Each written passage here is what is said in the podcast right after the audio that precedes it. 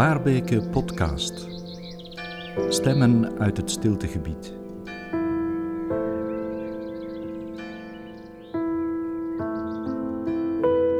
De kunst van de stilte en of de stilte van de kunst. Virginie Plateau verdiept zich al langer in die beide verwante thema's. Zij studeerde taal en letterkunde en journalistiek, gaf jarenlang les in Brussel en is nu freelance cultuurjournaliste. Een gesprek in het Waarbekenhuis. Dag Virginie Plateau. Goedemiddag. Welkom in Waarbeke. Dankjewel. Was je hier al eerder? Uh, nee, eigenlijk niet. Nee, het Waarbekenhuis zelf niet. Uh, ik ben van op een afstand betrokken met de werking, maar hier was ik nog niet geweest. Dus ik ben heel blij om het stiltegebied binnen te gaan. Fijn, en het hart ervan, het ja. Waarbekenhuis. Um, ik zei het net, cultuurjournalisten. Mm -hmm. um, waar schrijf je voor? Waar werk je voor? Kan je daar iets over zeggen? Ik uh, schrijf als freelancer. Uh, ben heel nauw betrokken geweest bij Recto Verso, een cultuurmagazine, cultuur en kritiek. Uh, voor Tertio heb ik ook een rubriek over literatuur en ook cultuurbijdragen. Uh, literair tijdschrift Deus Ex Machina, daar ben ik uh, lid van de redactie nu. En verder voor Poëziekrant uh, nog ja, een tal van websites ook online bijdraagt. Die, ja. Heel verscheiden ja. afzetgebied. met toch steeds als thema kunst en stilte, hè? dat komt ja, vaak terug. Hè? Dat komt heel vaak terug, ja. Hoe komt dat? Waar komt dat vandaan? Ja, dat is uh, iets wat organisch gegroeid is, denk ik. Uh, in 2014 hebben we met Recto Verso een uh, themanummer gemaakt rond stilte. En dat heb ik zo een beetje meegetrokken toen. En ja, daar kwamen heel veel dingen samen. Ehm, in gesprekken, in dingen die ik las, ja, de research die ik deed daar rond. Waarvan ik het gevoel had, ja, natuurlijk dit is waar ik eigenlijk al zo lang misschien onbewust mee bezig ben of, of mij heel sterk toe aangetrokken voel. En het was een, uh, ja, een, wereld die openging als het ware. Het was een heel grote herkenning. En ook wat ik herkende in alle kunstenaars en schrijvers, muzikanten die we voor het nummer contacteerden, die gemeenschappelijke hang naar stilte en die voorwaarden van stilte ook voor het creatieve proces. Dat vond ik heel opmerkelijk en ja, het was een grote vorm van herkenning. En dus, uh, Toen ja, dacht je, daar zit meer in, daar ja, wil ik absoluut, in uh, ja. doorgaan. Maar het, het, was meer dan puur een uh, intellectueel interessant thema of zo. Het was echt ook iets wat ik van... Ja, het klinkt heel soft of zo, maar het is iets wat ik van binnen echt voelde als intuïtief. Iets wat ik van mezelf als kind... ja, me heel sterk toe aangetrokken voelde en veel mee, mee deed, of onbewust als kind spelenderwijs een plaats geeft in je leven eigenlijk. Maar, maar wat ik dan doorheen de jaren veronachtzaamd had, en het voelde echt als een vorm van, ja, weer... Thuiskomen. Thuiskomen, ja. ja. En als kind aan de slag, spelenderwijs? Ja. nee, nee. Uh, Verklaar ja, u nader. Ja, het is moeilijk te verklaren. Ik bedoel, als kind doe je wat je doet omdat het goed voelt of omdat het je interesse of, of je, je fantasie prikkelt zonder daar verder uh, bij na te denken, laat staan dat je er heel er, uh, rode draden in ontdekt. Maar, maar het, het, kwam wel terug dat heel veel van ja, wat ik als kind graag deed, gewoon met terugtrekken in de natuur of veel lezen of ja, plekken opzoeken die wat verlaten waren, dat soort zaken. Dus eigenlijk waar de stilte toch heerst. En ook in, in, in kunst op een heel, ja, moet ik zeggen, primitieve manier daartoe aangetrokken was. Ehm, ja, dat dat wel terugkwam dan later in wat ik dan las bij die andere kunstenaars. Dus mm -hmm. uh, ja, iets heel bazaals, blijkbaar. Je, je stipt het al even aan, uh, Virginie, -hmm. in uh, de gesprekken die je hebt gevoerd door de jaren heen met kunstenaars, mm -hmm. dat ze het vaak hebben over uh, stilte als voorwaarde om te beginnen creëren. Dat is misschien wel iets wat elke kunstenaar ontmoet, hè? Die, die leegte van waaruit dan de muze ja. tot ja, ja. hen spreekt, hopelijk. Ja. Ja, ja, dat is echt uh, opmerkelijk dat aan, aan elke scheppingsdaad, als het ware, als, aan elke creatieve uh, actie of, of het verwerkelijken van een kunstwerk, gaat altijd een periode of een moment tenminste van terugtrekking vooraf, van uh, ja, het, het even afstand nemen om in die stilte ja, die creativiteit te laten opwellen, als het ware. Dat vind ik ook opmerkelijk. Heel veel kunstenaars zeggen dan, ja, ik zoek eh, de rust in de natuur. Maar vaak wordt dan gevraagd, ah, dus de natuur inspireert u. Het is niet dat er een rechtstreekse... Uh, ja, er is een verband, maar bijvoorbeeld iemand wandelt in de natuur, ziet daar mooie bloemen, prachtige structuur van bladeren of zo, gaat dat dan weergeven in een kunstwerk. Maar dat is niet de natuur die mij rechtstreeks inspireert om het weer te geven. Daar zit een, een tussentijd, als het ware. Er is een, een moment van, ehm, ja, waarin, waarin de indrukken als het ware een humus vormen. En in die stilte krijgt hij dan de kans om ja, de kunstenaar ertoe aan te zetten op, op zijn of haar eigen manier daar een vorm aan te geven. ik weet niet of het... ja. dus, dus de natuur inspireert, ja, maar ik denk dat het de stilte is die de mogelijkheid echt creëert om uh, ja, tot, tot actie over te gaan, als het ware. Tot uh, het, kunst, het maken van het kunstwerk. Want dat is iets wat echt ter, terugkomt bij zowel beeldhouwers, beeldenkunstenaars, filmmakers, schrijvers, muzikanten. Dat er altijd een periode van ja, naar binnen toe luisteren, als het ware, is. Daarom niet naar het eigen ego, want juist dat wordt best in de, overstegen, of dat uh, gaat vanzelf in, in de echt grote kunst, denk ik. Um, maar die ja, openliggende ruimte die ja, het mogelijk maakt dat er iets nieuws ontstaat, zoiets. Ja. Hoeft ook niet per se de natuur te zijn. Dat nee, kan nee, ook nee. het lege atelier zijn. Absoluut, ja. Het lege blad. Ja, uh, ja. kan ook zelfs de stad zijn. Of, of, of... Maar gewoon um, een, een, terugtrekking, ja, een, een uh, periode van tijdelijke geen prikkels of zo. Dus, uh, ja, die dan daartoe aanleiding geeft. Waaruit vele mooie dingen geboren worden. Toch uh, bijzonder hè, dat dat... Ja, ja, dat vind voor ik al die soorten kunstenaars die je net opzomt, een soort van gemeenschappelijk startpunt is. Absoluut, ja. En ook doorheen de tijd merk je dat de, ja, als je de kunstgeschiedenis en dan biografieën, maar ook gewoon kunstwerken zelf, spreken ook vaak van een, een stilte. Uh, ja, dat vond ik heel intrigerend. ja. Ja, zou je kunnen zeggen, uh, je stipt het al even aan, kunstenaars die hun ego overstijgen, mm -hmm. um, is um, stilte de essentie van de kunst? We hebben het al gehad over voorwaarden om het te mm -hmm. maken, maar als je nu echt naar een kunstwerk kijkt of een kunstwerk mm. beluistert of leest? Of... Mm. Zit daar altijd die kern in? Um, ja, ik denk dat, dat eigenlijk wel. uh, het, het, is heel contradictorisch. Hè? Dat is de, of de essentie van een muziekstuk bijvoorbeeld aan stilte zou zijn. En toch is het altijd... Uh, ja, zit er iets van het onzegbare of het, uh, datgene wat niet onder woorden te brengen valt. Ja, precies daarom maken mensen ook kunst, omdat het niet te bevatten valt, omdat het uh, iets, iets uitdrukt wat zich heel moeilijk laat tonen of wat, uh, wat aanschuurt tegen dat, dat ongrijpbare. En ja, ook veel kunstenaars hebben dat ook gezegd. Hè. Uh, ik denk Luc Tuymans zegt ook over schilderij, om, om echt kunst te zijn moet het een, een soort volle leegte tonen. Of uh, ik citeer hem wellicht verkeerd, maar, het is iets in die zin. Uh, ja, heel, heel veel kunstenaars hebben daar uitspraken over gedaan in die zin.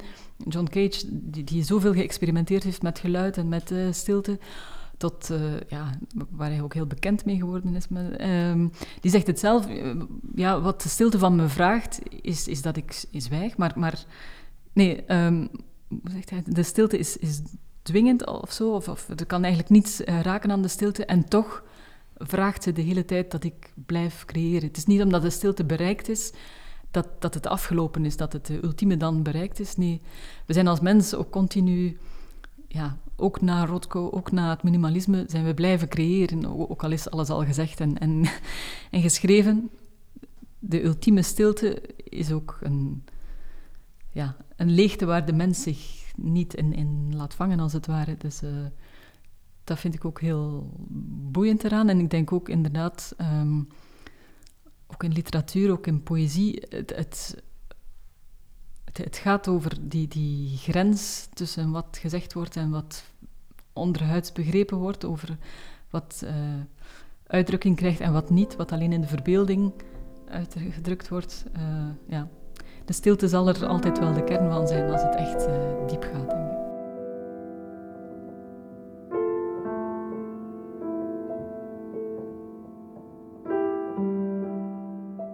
Zijn er stille kunstenaars en luide kunstenaars?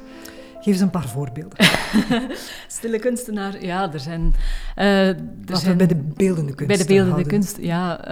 Uh, ik denk iemand die vaak ook wordt naar voren gebracht in zijn stille taferelen en in zijn stille manier van verbeelden is Morandi bijvoorbeeld, Italiaanse stilleven kunstenaar, die, die eigenlijk zijn hele leven niet veel anders geschilderd heeft dan flesjes, vaasjes, uh, ja, serviesgoed op een rij. Uh, in heel natuurlijke tinten, uh, heel ja, aquarel, of, ja, waterverven en ja, geen felle kleuren, maar de, rust die uitgaat van die objecten op zich, zeker als je er verschillende op een, een, een, tentoonstelling ziet, is, is heel ja, frappant in zijn bescheidenheid, als het ware. Ehm, en het is ook wel, ja, ik vind het dan altijd boeiend om, om ook de persoon achter zo'n werk uh, daar iets meer over te weten. Hij heeft zijn hele leven blijkbaar in Bologna gewoond en heeft het uh, amper verlaten. Je kan ook denken, ja, wat een saaie mens moet dat geweest zijn, de hele dag uh, vaasjes en kannetjes schilderen. Maar die, hij was heel goed op de hoogte van alles wat er aan de gang was in de wereld. Maar het was zijn manier om ja, als het ware, dat, dat te, zijn aandacht te geven aan iets heel gewoons en heel dagdagelijks, maar dat op zo'n manier te doen dat het ja, er bovenuit wordt getild. En ja, de, de rust zit waarschijnlijk in het feit dat hij die aandacht geeft en op zo'n mooie manier uh, weergeeft, iets wat zo alledaags is. En uh, ja, de overzichtstentoonstelling die er een aantal jaar geleden geweest is, in was, Bozar, ja. in Bozar, was een geweldig succes. En dan kan je afvragen, ja, waarom komen mensen daar naar... Potjes en pannen Potjes kijken. en pannen kijken, ja. maar ik denk dat dat ook, ook iets is, dat, dat we...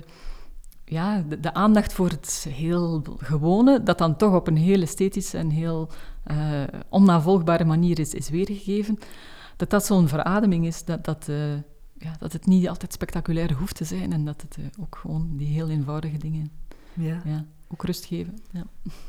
Maar dan heb je uh, een andere heel succesvolle tentoonstelling in Nederland van Mark Rotko. Ja, ja. Dat is zo ongeveer het tegenovergestelde, gigantisch grote doeken. Met hele vele lage kleuren, mm -hmm. waar mensen tot tranen toe bewogen voor staan kijken.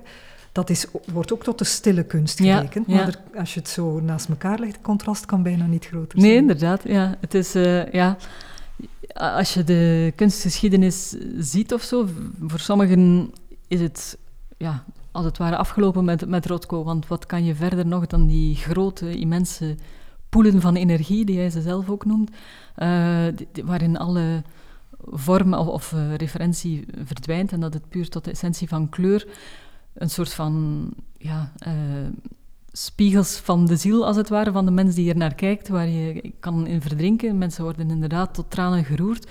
Maar anderzijds heb je dan ook de hele... Ja, hype is misschien het woord niet, maar, maar zo'n werk komt dan ook moeilijker tot zijn recht, omdat er zoveel mensen zijn die tegelijk die stilte-ervaring willen aangaan, wat op zich mooi is, maar ja, heel snel ja, raak je die essentie dan kwijt. Hè? Omdat je gewoon, dat het te druk wordt om met z'n allen de stilte te ervaren. Van, er hing wel een bordje, gelieve stil te zijn, ja. om andere mensen ja. in hun ervaring niet te storen of ja, zoiets, herinner ik mij. Ja, dus... Uh, ja, de, maar daaraan zie je ook ho hoeveel verschillende vormen stilte kan aannemen. Voor sommige mensen doet het ook niks. Gewoon die denken, bon, ja, oké, okay, ja, de kleuren, maar het, het, en, maar die zijn dan wel geraakt door een, een landschap of een stil leven of, of, om het even. Dus uh, ja, het, het, kan in, op heel verschillende vormen uh, aannemen en heel ja, persoonlijk zijn ook. Mm -hmm. En zijn er omgekeerd ook echt lawaaierige kunstenaars? lawaaierige kunstenaars. Lawaaimakers? uh, in, in, de beelden de kunst, ja, ja, die zijn er zeker. Uh, ja, ik denk...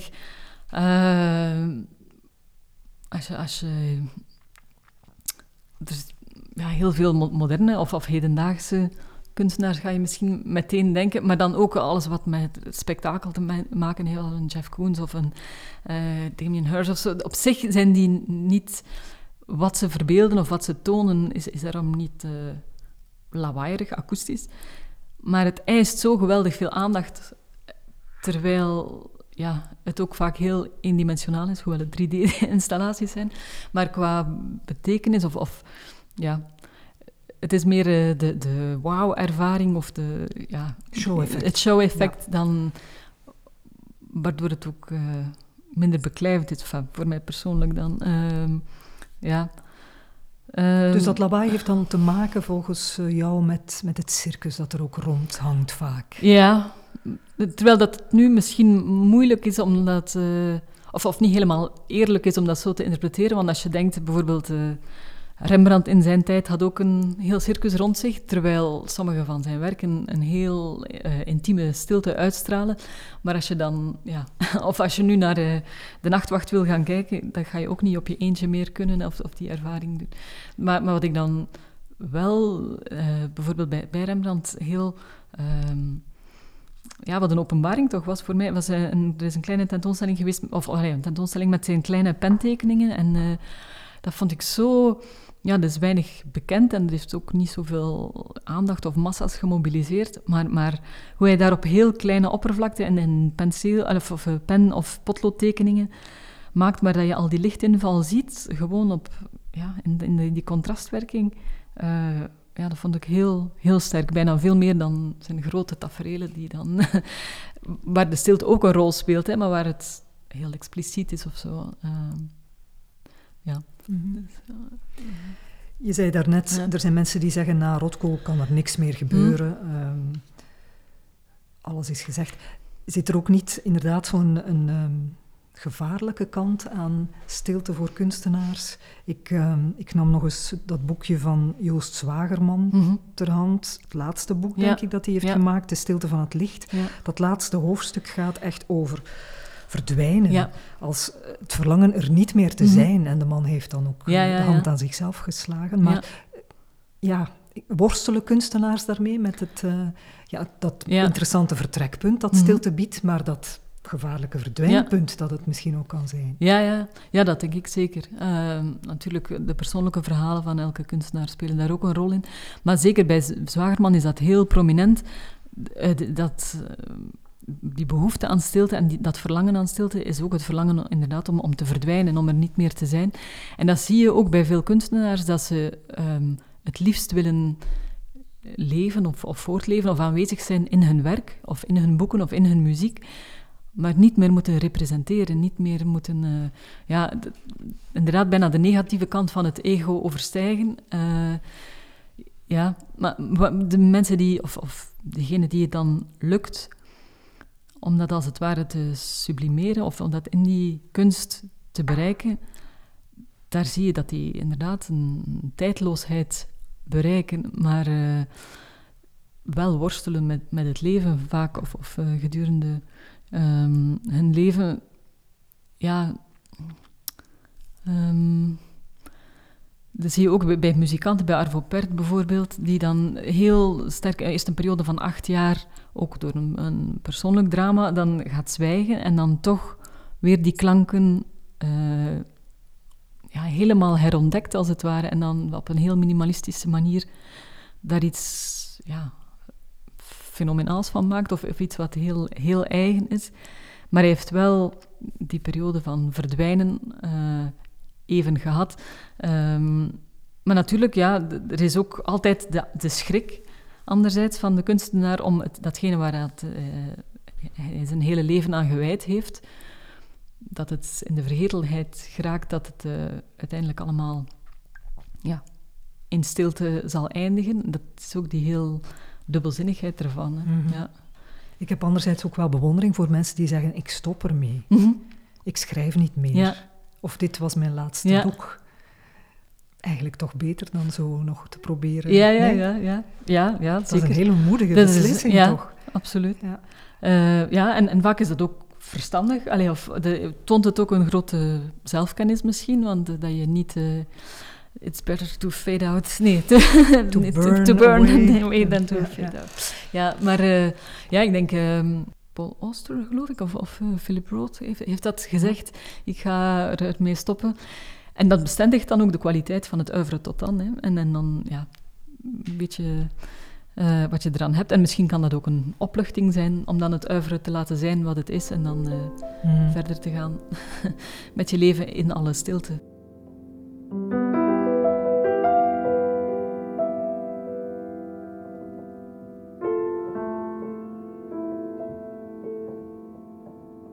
Goed, uh, Virginie Plateau, we hadden het over beeldende kunst vooral. Mm. Um, je, je, je, reikte ook, al even naar mm. de muziek met Arvo Pert. Um, ja, dat is toch wat je hoort van werkelijk alle muzikanten, alle componisten, dat stilte de fond is eigenlijk, hè, mhm. waarop zij ja, wat dan? Uh, variaties bedenken variaties, of zo? Ja, ja. ja, de, ja dus van denk Debussy tot Louis Armstrong en nog een heleboel anderen die dat echt expliciet zeggen van uh, ja, maar ik speel geen muziek, ik, ik laat de stilte spreken tussen de noten. Of uh, het is naar de stilte tussen de noten die je moet luisteren. Natuurlijk, ja, er is geen muziek als er geen fragmentering is door, door stilte pauzes. het is ook de stilte die de hele betekenis geeft aan een melodie. Ehm, ja, het is ook bewezen met, met de MRI-scans dat mensen die naar muziek luisteren, dat de hersenen het actiefst zijn tijdens de stiltes eigenlijk. Dus het, ja, kan je zeggen, zit daar al een vertraging op?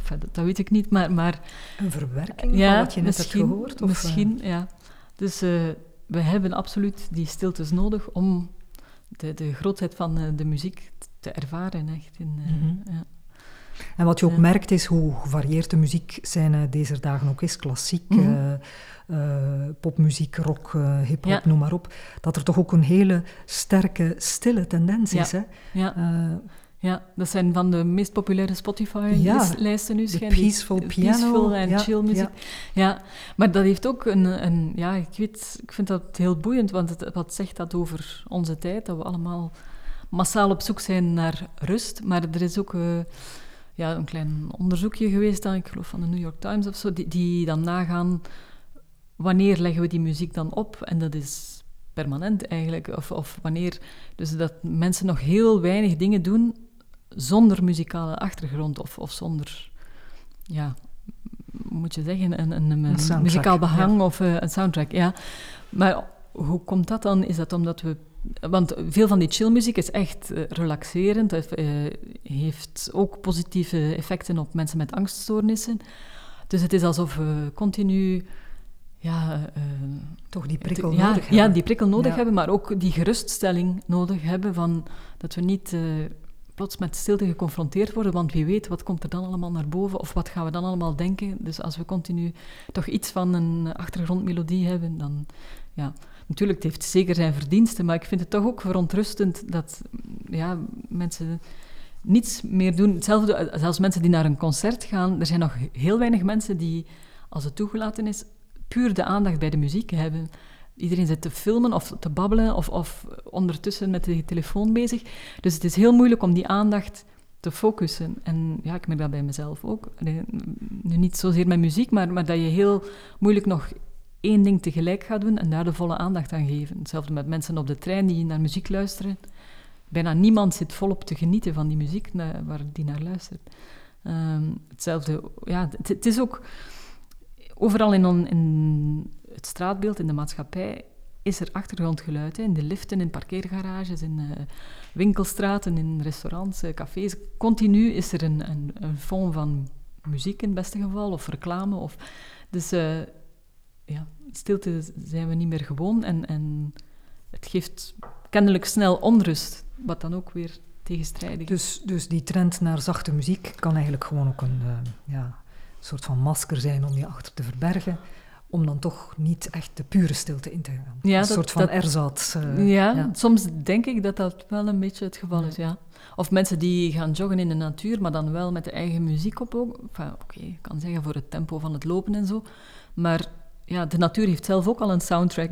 dus die kan je ook beluisteren als je gaat wandelen of lopen. Dus uh, ja, ik weet niet, heeft het met een vorm van controle houden of dat permanent gerustgesteld worden door muziek die ik zelf kies of die mij rustig maakt. Uh, ja. laten we hopen dat uh, muzikanten en componisten toch af en toe nog de stilte opzoeken om nieuwe ideeën op te doen. En niet alles uh, dicht plamuren met, uh, met allerlei muziek. Hè. Of dat ze ook mogen nog, nog muziek maken die ons meer verrast of die niet alleen maar chill en moody en, en ja... gemakkelijk is. Ja, gemakkelijk, ja.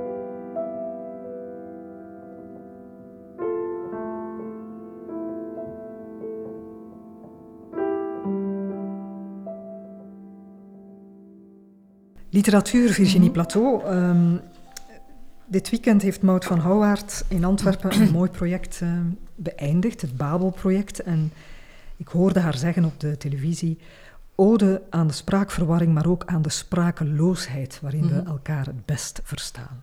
Prachtig citaat, ja, toch? Heel, heel mooi. Ja, dat vond ik ook heel mooi. Ik vind het een prachtig project ook. Ook visueel en uh, ja, qua symboliek. En het is echt een heel... Ja, even zeggen, ze heeft dus een gedicht ja. laten vertalen door allerlei mensen, mm -hmm. zoveel kleurig als de bevolking van Antwerpen, ja. in allerlei talen. Dus dat gedicht heeft heel veel nieuwe ja, vormen aangenomen, en nieuwe betekenissen misschien wel, want er is altijd een vertaalfoutje, denk ik dan. Uh, en toch ja, is het een middel om, om mensen uh, ja, elkaar te doen verstaan? Meer nog, zegt ze hier, als we zelfs het niet zouden voorlezen, dan zijn we sprakeloos en verstaan we elkaar nog beter. Ja, ja, ja inderdaad. Maar het is inderdaad die sprakeloosheid of, of het moment waar de verstomming toeslaat, als het ware, is, is uh, ook een soort van open ruimte waar dat de ontmoeting mogelijk is of waar dat er... Uh, ja, de verschillende talen in hun onvertaalbaarheid elkaar kunnen aanraken of zo, of uh, dichter bij elkaar komen. Of misschien ook voor dezelfde barrières staan, uh, van ja, die communicatie die niet, niet, kan overgedragen worden, maar doordat we hetzelfde ervaren van de onmogelijkheid om elkaar te verstaan, is dat toch een soort van verbondenheid of zo mm -hmm. uh, over de taal heen. Ja. Dat sprakeloze, mm -hmm. is dat een kenmerk van poëzie eerder dan romans? Um, Zit daar toch altijd een, een stukje, um, een stukje, een groot stuk mm. stilte in vervat, waar, um, mm. waar net zo belangrijk is om, om ja, niet, te, niet te schrijven, niet te zeggen? Ja, ja ik denk zeker. Poëzie speelt ook, ook gewoon, poëzie op papier speelt ook met witruimtes en met uh, ja, de bladschikking die sowieso nog meer stilte toelaat dan in uh, prozateksten. Natuurlijk, je hebt ook romans als Sprakeloos, die dan letterlijk over uh, het verlies van taal gaan en, en het steeds groter wordende zwijgen. Um, wat heel pijnlijk is in dat geval. Absoluut, niks absoluut. Uh, nee. moois nee, teweeg brengt, nee, hè, in het geval van de mama van Tom. Absoluut, ja. ja. En het, het, valt mij ook op dat in heel veel... Er zijn heel wat romans en ook heel veel thrillers en zo, waar stilte in de titel zit... Maar dan gaat het bijna altijd over een negatieve kant van stilte. Dus uh, het verzwijgen, het taboe, het uh, mysterie, het uh, onderdrukking, misbruik, al dat soort titels ja, verwijzen alleen met stilte erbij. terwijl in poëzie heeft het veel meer te maken inderdaad met dat, het raken aan datgene wat niet kan uitgedrukt worden. Een grote vorm van verwondering kan ook een grote vorm van verdriet zijn of van ja, van, van liefde of van eender wat, wat niet in uh, ja, expliciete termen te vatten valt. Want de poëzie probeert ook, denk ik, of toch heel vaak, om heel veel te zeggen in weinig woorden. Dus dan heb je ook die stilte of die witruimtes nodig om de, de diepgang van de woorden uh, ja, volledig te laten doordringen, denk ik. Raakt aan de muziek. Absoluut, ja. ja. ja. Dus, uh, ja, zeker. Heel sterk in de buurt. En de muziek die ook ja, heel naadloos kan overgaan in stilte. Dus zodat je... Um, ja, ik moet altijd denken, die, die, de Indische oomklank die ook in uh, yoga en zo gebruikt wordt, daarvan zegt men, het zijn eigenlijk geen um, drie klanken, de O, de H en de M, maar die M is, gaat over in de stilte en dan de vierde klank is de stilte die volgt op het woord. Dus dan heb je muziek ook die, die naklinkt, of de nagalm. En ook de stilte die nog volgt op de nagalm maakt eigenlijk ook deel uit van het muziekstuk. Uh, ja. ja, alle, alle gedichten, alle boeken, alle muziekstukken, alle schilderijen worden geboren uit stilte, hebben we al even aangestipt. Maar daar zit toch ook ehm, een kantje aan van naar buiten komen met je werk. En steeds meer jezelf presenteren. Mhm. Je had het daar net al even over dat sommige kunstenaars het daar moeilijk mee hebben. Dat ze zouden willen verdwijnen in hun werk. Maar mhm. zo werkt het alleen maar voor de hele grote zeker. Of de hele bekende. De meeste mensen moeten het uh, oneindig een aantal keer uitleggen. Ehm, en dingen doen ja, buiten de comfortzone, denk ik dan. Sleur eens een kunstenaar uit zijn atelier, zet hem in een televisiestudio en vraag... Wat is uw inspiratiebron? Ik zou het niet graag uh, zelf moeten doen, denk ik. Maar het hoort erbij. Hoe, en, en dat is dan toch weer lawaai, denk ik. Ja, ja, ik denk voor veel kunstenaars is dat inderdaad ook een heel grote opgave, omdat het... Uh, ja, ook omdat het zo dubbelop lijkt, vaak.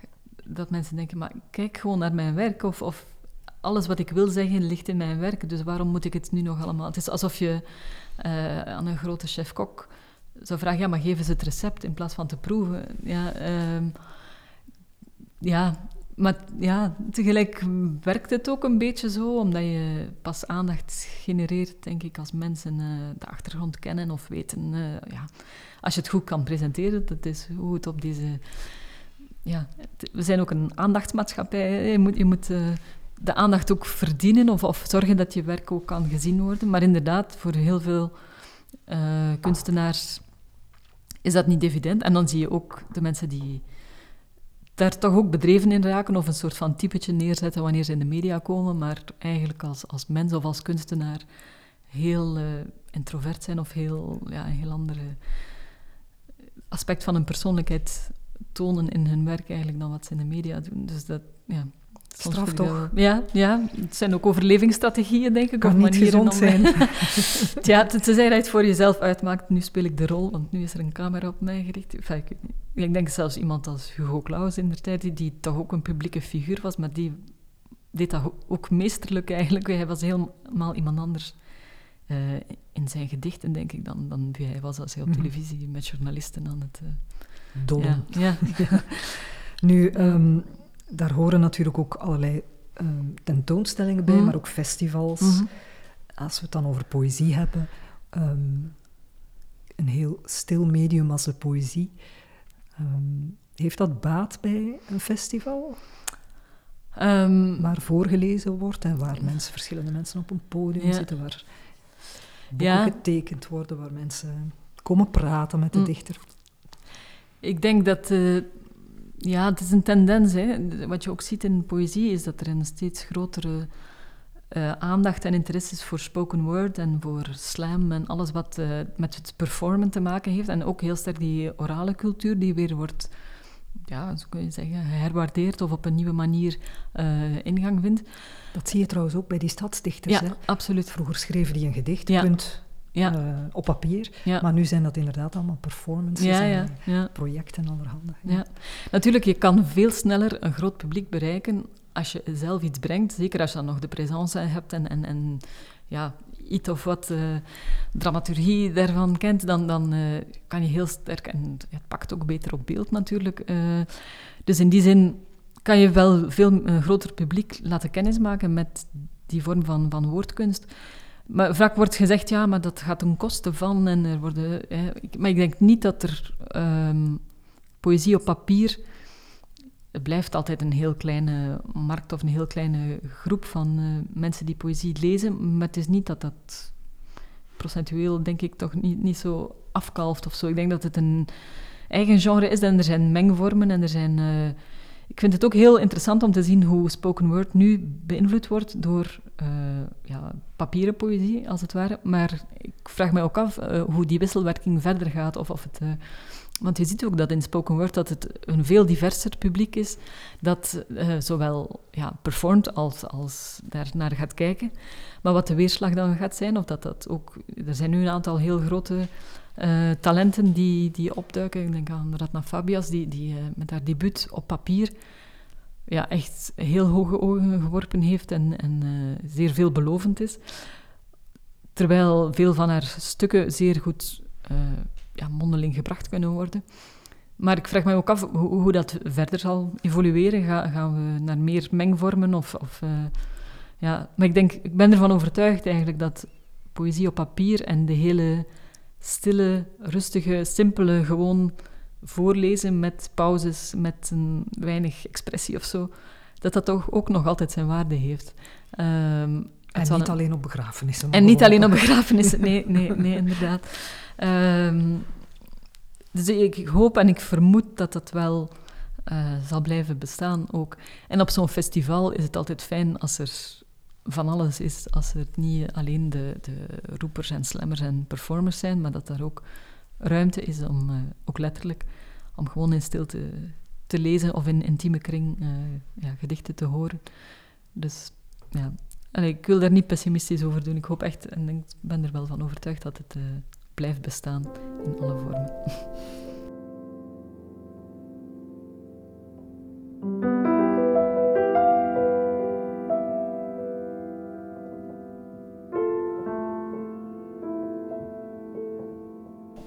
Virginie Plateau, cultuurjournaliste. Um, Laten we het dus over uzelf hebben. Ik wil niet te veel peuteren in, uw ziel, dat is niet dit soort gesprek. Maar hoe integreer jij stilte in je, in je leven, professioneel bijvoorbeeld? Um, een freelance journalist moet zichzelf toch gaan bewijzen en verkopen, en, wordt dan gezegd. Ja, um, ja, daar ben ik ook niet zo geweldig uh, goed in. Maar het is vooral een kwestie van evenwicht, denk ik. Dat je aan de ene kant inderdaad zorgt dat je op het publieke forum zichtbaar bent en dat je ehm, ja, representeert, maar aan de andere kant ook voldoende momenten voor terugtrekking en stilte uh, inbouwt. Nu, ik denk dat dat op grote, grote lijnen een beetje automatisch gebeurt bij mij. Dat ik ook voel dat ik uh, stilte en dan het alleen zijn en dan in de natuur zijn echt nodig heb, gewoon voor mijn mentale hygiëne. En ook de drukte van, van een jong gezin en erbij. Het is, uh, um, maar ook de, de stilte van gewoon het, het lezen thuis, als het huis leeg is, als de kinderen op school zijn, eh, zonder muziek, zonder radio. Dat, dat op zich is ook uh, stilte moment dat, dat mij oplaat, als het ware. Het is niet dat ik daar echt bewust naar ga zoeken van, ja, en nu moet ik van, van twee tot drie of zo een stilte uur dat, ja, dat groeit zo wat organisch, maar ik voel wel dat ik, uh, als ik het te lang, te druk ben geweest, dat mijn lichaam of, of mijn, mijn geest of mijn hoofdpijn mij wel terugroept van uh, even rustiger aan. Um, ja, maar het is iets wat ik heb, dus daarvoor heb ik tien jaar lesgegeven. En het was toch ook iets wat mij opviel, dat er steeds, steeds meer jongeren uh, in de les zitten met van die noise cancelling koptelefoons en ook heel heftig reageren op geluiden soms. We zaten de ja, school in het midden van Brussel, vlak aan de Noord-Zuid spoorverbinding. Dus wanneer daar een trein passeert, rammelen die ramen. uh, kon je soms de leerkracht niet begrijpen. En ja, dus, uh, maar tegelijk dat je ook merkt dat, dat leerlingen die focus heel moeilijk uh, nog kunnen vinden. En wanneer we dan soms gingen wandelen in Soniumwoud, dat ze dan met de boksen mee en met de ja, die, die heel dubbelzinnige verhouding tegenover stilte en lawaai uh, heeft mij altijd wel geïntrigeerd. En, en ja, ik vind dat nog altijd uh, boeiend om te zien, maar, maar ik stel mij daar toch ook heel wat vragen bij. Dus uh, ja. Je zegt um, in stilte lezen in een stil huis, mm -hmm. um, maar ook in de natuur. Je bent een ja. wandelaar. Ja, ja. Wat, wat, wat vind je al wandelen? ja, uh, goh, het is niet dat ik zo ben beginnen wandelen met als doel voor ogen en nu ga ik tot rust komen of nu ga ik stilte vinden. Het is ook iets wat, wat ja, ik als, als, als kind al ervaarde en ook gewoon vroeger bij, bij de scouts en als we buiten waren. Gewoon dat je je veel beter voelt als je, als je buiten bent. En een soort van, um, hoe zou ik zeggen, het klinkt heel snel soft, hè, zo, maar, maar zo een soort van verbondenheid. Uh, en vooral dat je in de natuur niks hoeft. Dat je gerust kan een kwartier neerzitten en dat je je hebt, er zijn geen dingen die must-sees in, in het bos of de tien uh, bomen die je niet mag missen. Allee, bewaar ons daarvoor. Laten we gewoon maar de bossen en de weinige natuur die er nog is, zijn wat het is. Um, maar dat je voor de rest in alles moet presteren of bucketlists afwerken of, of dingen die je zeker niet mag missen. Terwijl daar hoeft het niet. En het maakt ook niet uit wie je bent. Die boom gaat niet... Uh, je, je, mag die nog zo omarmen of knuffelen. Het kan die boom niks schelen. En dat vind ik zo'n rustgevende gedachte. Zolang je die maar laat staan, natuurlijk. Um, dat je... Ja, de, hoe zou ik zeggen? De, de stilte van de natuur is ook opnieuw een beetje een oplosmiddel voor het ego. Dat je... Um, ja. Hoe dan? Wat, wat uh, overkomt je als je een eindje stapt? Ja, kan je dat, uh, dat beschrijven? ja, een, een, een gevoel van nietigheid enerzijds, maar dat niet te neerdrukt, dat niet uh, mij denkt van, oh man, wat ben ik sterfelijk of zo, maar, maar juist een, een, een verwondering en een, dankbaarheid zijn allemaal heel zware woorden die nu zo heel... maar, maar ja, het voelen van ik ben hier deel van, ik, ik zie wat hier op dit moment aan schoonheid zich vertoont, maar dat is niet voor mij. Ik bedoel, het is een voorrecht dat ik het zie, maar die natuur doet nu niet extra haar best omdat ik hier passeer. Of, allee, ja, dat klinkt uh, een beetje raar, maar dat vind ik, uh, ja, rustgevend eraan. Dus de, ook zonder mij zouden die dingen er zijn, maar ik heb ze toch maar gezien en daar ben ik dan heel dankbaar voor of zo. Of, uh, en hoe fantastisch het systeem helemaal werkt. En dat wij dan denken dat we moeten ingrijpen en allerlei dingen moeten doen. Terwijl nee, het, het werkt misschien beter als we juist niet ingrijpen. En gewoon even zitten en even kijken. Uh, ja. Het brengt meer dan rust, zo te horen. ja, ja, ja, ja. Zeker relativering. Ja, ja, relativering. Maar in, in, die relativering schuilt veel rust, want we zijn continu aan het hollen en aan het presteren en goals en, en targets en dingen aan het najagen. En, en ja, als je dan daar loopt, dan denk je, bon, de enige target is de cirkel van de seizoenen, als het een beetje meezit. En, en ja, verder is alles oké, het is allemaal oké, het is goed. het, het gaat wel verder. Uh, ja, dus die relativering. Dat is verfrissend om af en toe eens te doen, tussen alle deadlines door. Ja, ja, dat vind ik wel.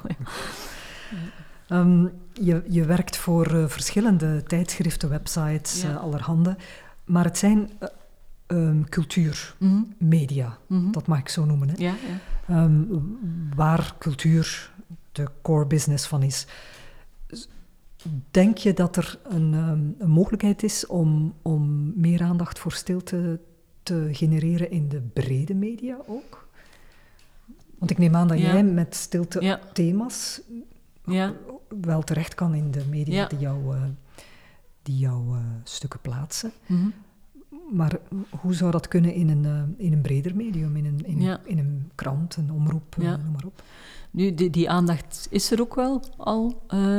de Standaard heeft in augustus een, een reeks gedaan rond stilte, maar natuurlijk over lawaai. Lawaai, ja. ja. Maar dus, allez, stilte ja, kwam daar dan ja. uiteraard. Maar natuurlijk is het dan veel meer vanuit een problematiek. Dus niet vanuit de, de inherente waarde van stilte, maar vanuit de problematiek van geluidsoverlast. Um, ja, dat, om het een breed maatschappelijk moet er eerst een probleem zijn waaraan stilte kan verhelpen, kennelijk. Uh, hetzelfde met, met burn-out en dat men dan vaststelt van ja, rustiger aandoen en, en stilte kan daarin ook, ook helpen. Dus in die zin is er zeker wel aandacht voor, maar het gevaar is natuurlijk heel snel dat het wordt geïnstrumentaliseerd of, of vertherapeutiseerd of, of uh, op een of andere manier commercieel wordt ingezet. Um, wat ook allemaal zijn verdiensten heeft. Allee, dat hoop ik tenminste, dat het allemaal dan uh, mensen kan helpen of, of uh, een nieuwe inzicht geven. Maar op zich ja, is, stilte ook het heeft heel veel dubbelzinnigheden en heel veel paradoxen. Het is, eigenlijk is het overal alleen bij gratie van mensen die hun mond houden en die, die gewoon geen lawaai maken. Dus het is ja, super makkelijk uh, te verkrijgen, maar tegelijk ook zeer meer en meer afwezig in onze maatschappij. Dus uh, ja, ik denk door, door allerlei initiatieven die er zijn en door de aandacht um, voor rust en, en mentale herbronning en zo, die er toch is in de maatschappij, dat, dat dan stilte daar wel meer en meer een plaats in kan krijgen. Um, Vanzelf zal het niet komen natuurlijk. Nee. Uh, als je zegt het is, het is ja. vrij toegankelijk, gratis beschikbaar voor iedereen en toch is het zo moeilijk bereikbaar, ja. dan mankeert er eigenlijk een brug. Ja. Ja. ja, maar ik denk dat het ook deels is omdat het ontsnapt aan heel de, de marktlogica waarin we nu leven, dat dat alles moet uh, ja, in een concept of in een te vermarkten uh, product worden aangeboden. En men probeert dat wel. Hè. Je ziet dat je, je kan bijbetalen in de cinema om uh, in een, stil, een stille film te zitten. Of uh, je stiltecoupés in treinen. Of, of je hebt wellnesscentra die daar een heel ja, businessmodel rondbouwen. rond het aanbieden van stilte en relaxatie en alles. Dus er zijn allerlei manieren, maar, maar de, de, pure stilte op zich ontsnapt er toch altijd weer aan. En precies de onvatbaarheid, die, die deel van haar essentie is, ja, maakt het ook moeilijk om het, om het over te brengen of om het ja, ter sprake te stellen. Want eigenlijk elk woord dat je erover spreekt, doorbreek je de stilte al mee. Dus, de, dus ja. Maar dus, ik denk wel dat er een groter bewustzijn aan het groeien is uh, vanuit verschillende invalshoeken, vanuit ja, ook de hele klimaatproblematiek. En, en stilte speelt daar toch ook een rol in, in de zin van um, ja, gewoon een stap terugzetten als, als, als mens en naar de natuur luisteren, als het ware. Uh, zonder daar te ja, hoogdravend of hippieachtig in te klinken, maar, het is gewoon wat een, ja, de wereld of het klimaat op dit moment van ons vraagt. Um, maar er zijn zoveel invalshoeken die, die relevant zijn. Maar wat dan met stilte op zich gaat doen, blijft toch nog altijd vloe. En alles wordt ook geabsorbeerd door die, die stilte. Dus het is een beetje... Mm, ja, moeilijk om het ruimer ter sprake te brengen, denk ik. Als er geen problematiek als oorzaak is, alleen vast aanleiding is. Ja.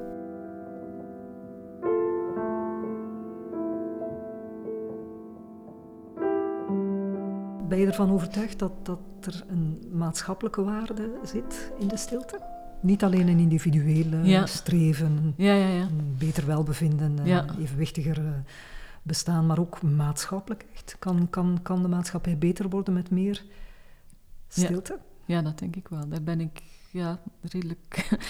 dat, dat is toch wel een, een aanvoelen of een overtuiging. Uh, gewoon als, als ja, wat ik daarnet al zei, een vorm van open ruimte die, die toelaat, die, die, net zoals het bij een kunstenaar vanuit de, de leegte of de stilte is die de creatie voorafgaat, dat het ook ruimte is die, die braak mag liggen, die, uh, waaruit dan nieuwe ideeën kunnen komen, zonder dat we ze meteen moeten uh, plukken of, of, of uh, commercialiseren of op, op, een of andere manier productief maken, dat het gewoon groeitijd is, of dat het ook open ruimte is voor ontmoeting, een beetje wat Moot van Houwaard toch ook bewerkstelligt, denk ik. Ehm, ja, we hebben het heel moeilijk om de dingen te laten zijn zoals ze zijn en om ze tijd te geven. Want stilte is ook eigenlijk een, een niet ingevulde tijdspanne, zoals je in, in muziek uh, stilte kunt ervaren.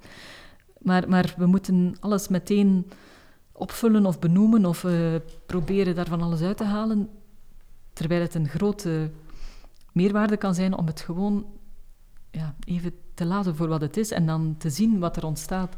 Uh, juist door die ruimte en tijd waarmee het nou verweven is, door die te gunnen, uh, als het ware. Maar in die zin denk ik dat stilte een heel grote uh, stressabsorbeerder is op maatschappelijk vlak. Dat merk je op persoonlijk vlak. Dus als we dat in, in opentrekken op een groter, grotere schaal, dan ja, denk ik dat heel zeker. je kijkt nu, mensen gaan automatisch of vanuit een natuurlijk aanvoelen op zondag wandelen in het park en in de bossen op zoek naar stilte of, of toch een vorm van rust.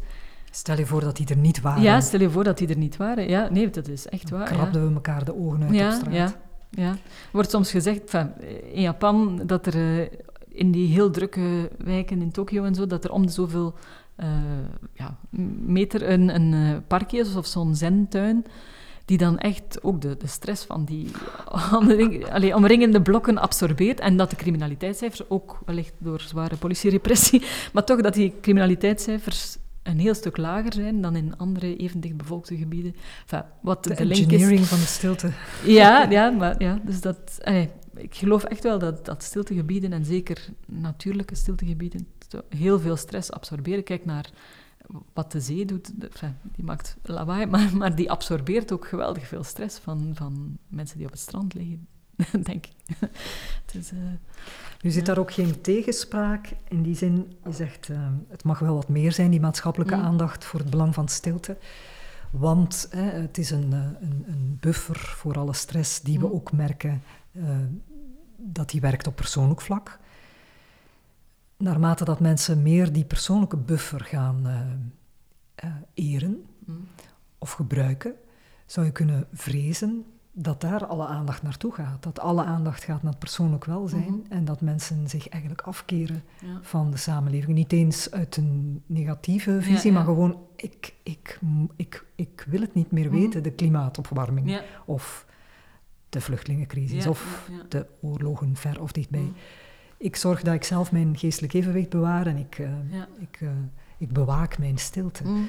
Ja, dan zijn we nog verder van huis, denk ik dan. Ja. ja, dat is zeker. En dat is inderdaad ook een tendens die je ook wel ziet. En het gevaar daarvan is ook dat het uh, iets voor de elite wordt of iets voor de, de mensen die zich kunnen permitteren. Ook, want iemand die een hele dag aan de kassa heeft gezeten en die thuis komt met twee kinderen die overprikkeld zijn en, en een, een man die naar een nachtshift moet doen, ja, zeg dan maar, ah, ga maar uh, uw persoonlijke stilte opzoeken. Ja, zoek ze maar.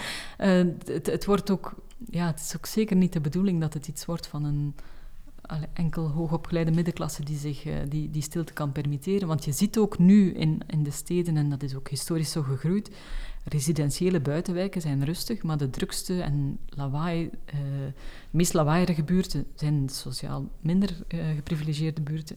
Dus die, die grote stressfactor komt dan heel sterk bij een uh, bevolkingslaag terecht die al zeer zwaar onder druk staat op allerlei andere manieren.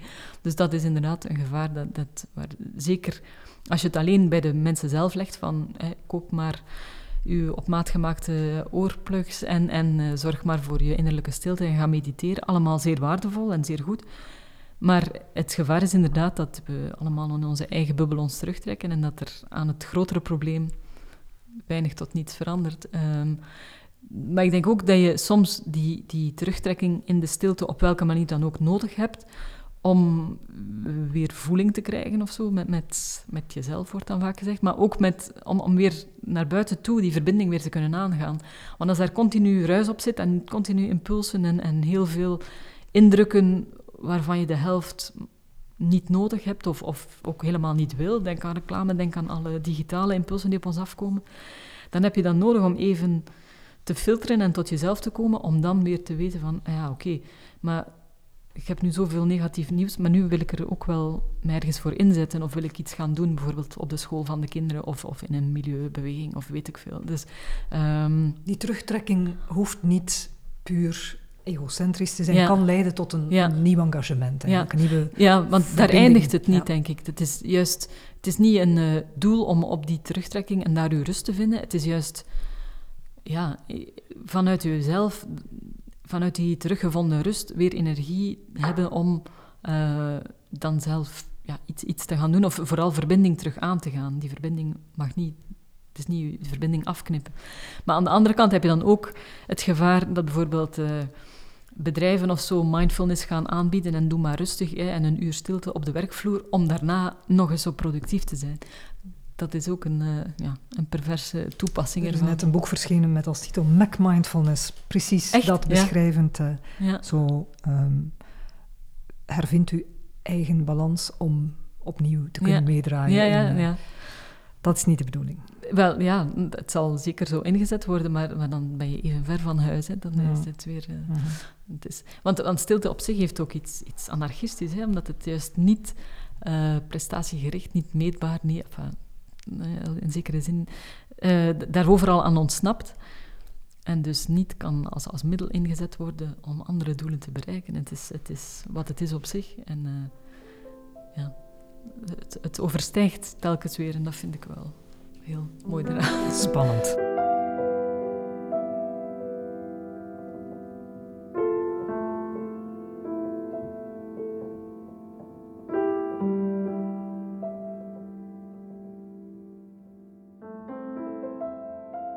Over eh, engagement gesproken, Virginie Plateau.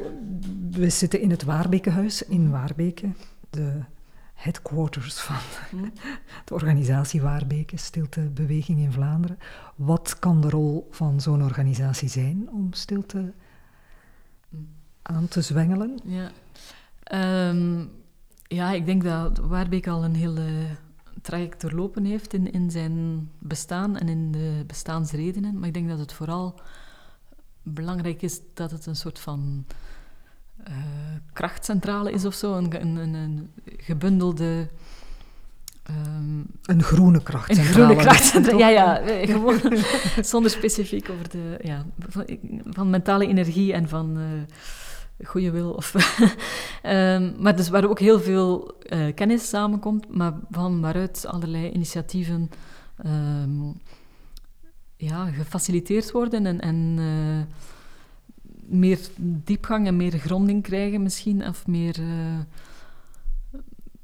ja, een, een, netwerk ook dat uh, geactiveerd wordt, dat mensen, want er is van alles aan de gang en er, er zijn heel veel initiatieven die genomen worden, dus dat ze ook verbonden blijven om zo elkaar te bekrachtigen.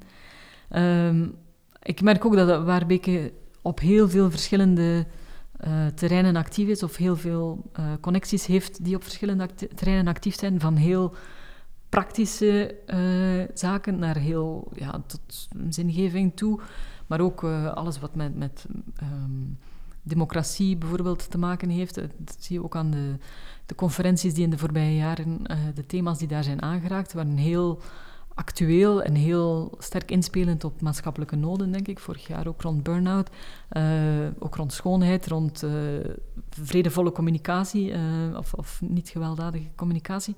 Dus zaken die je misschien niet rechtstreeks met stilte zou associëren, maar die er zeker wel mee te maken hebben en die dan ja, juist vanuit die stilte als ondergrond of, of als ja, moet ik zeggen, voedende kracht als het ware, dat daar heel veel kan uit ontstaan. En het is absoluut niet alleen maar uh, zweverig of tot jezelf komen. Of tot, uh, het is echt heel actueel en maatschappelijk relevant, uh, veel van de dingen die hier worden mee ondersteund. Ja. Om te besluiten, Virginie, wat zijn jouw stilteplannen voor de komende jaren? wat zijn mijn stilteplannen? Ja, ik hoop er nog ja, het gaat ook een beetje vanzelf, als het ware. Het, opent zich uh, verder en, en, ja, ik wil mij er nog verder in verdiepen. Ik ben ook uh, in contact met iemand in Nederland die uh, stiltegebieden in kaart brengt, die daar ook een website rond aan het maken is, in beeld en in geluid. Ehm, ja, ik speel ook met het idee van een publicatie nog rond ja, historische, socio- en cultuurhistorische evolutie van, van stilte. Dus waar veel van wat ik in mijn lezingen zeg ook in aan bod komt. Um, ja, ik vind het heel fijn om, om te merken dat er op zoveel verschillende manieren zoveel uh, ja, beweegt rond stilte. Want het is toch ook wel een beweging, het is niet iets statisch, hoewel het uh, stilstaan dat anders zou kunnen uh, ja, suggereren. Maar de, al die, die, die blijvende tegenstellingen en, en um, veelkantigheid van die stilte blijft mij wel heel sterk prikkelen op uh, allerlei manieren. Ja. Dus, uh, We kijken uit naar het vervolg. Ik ook, ja. Dank u wel voor het gesprek, Virginie Plateau. Dank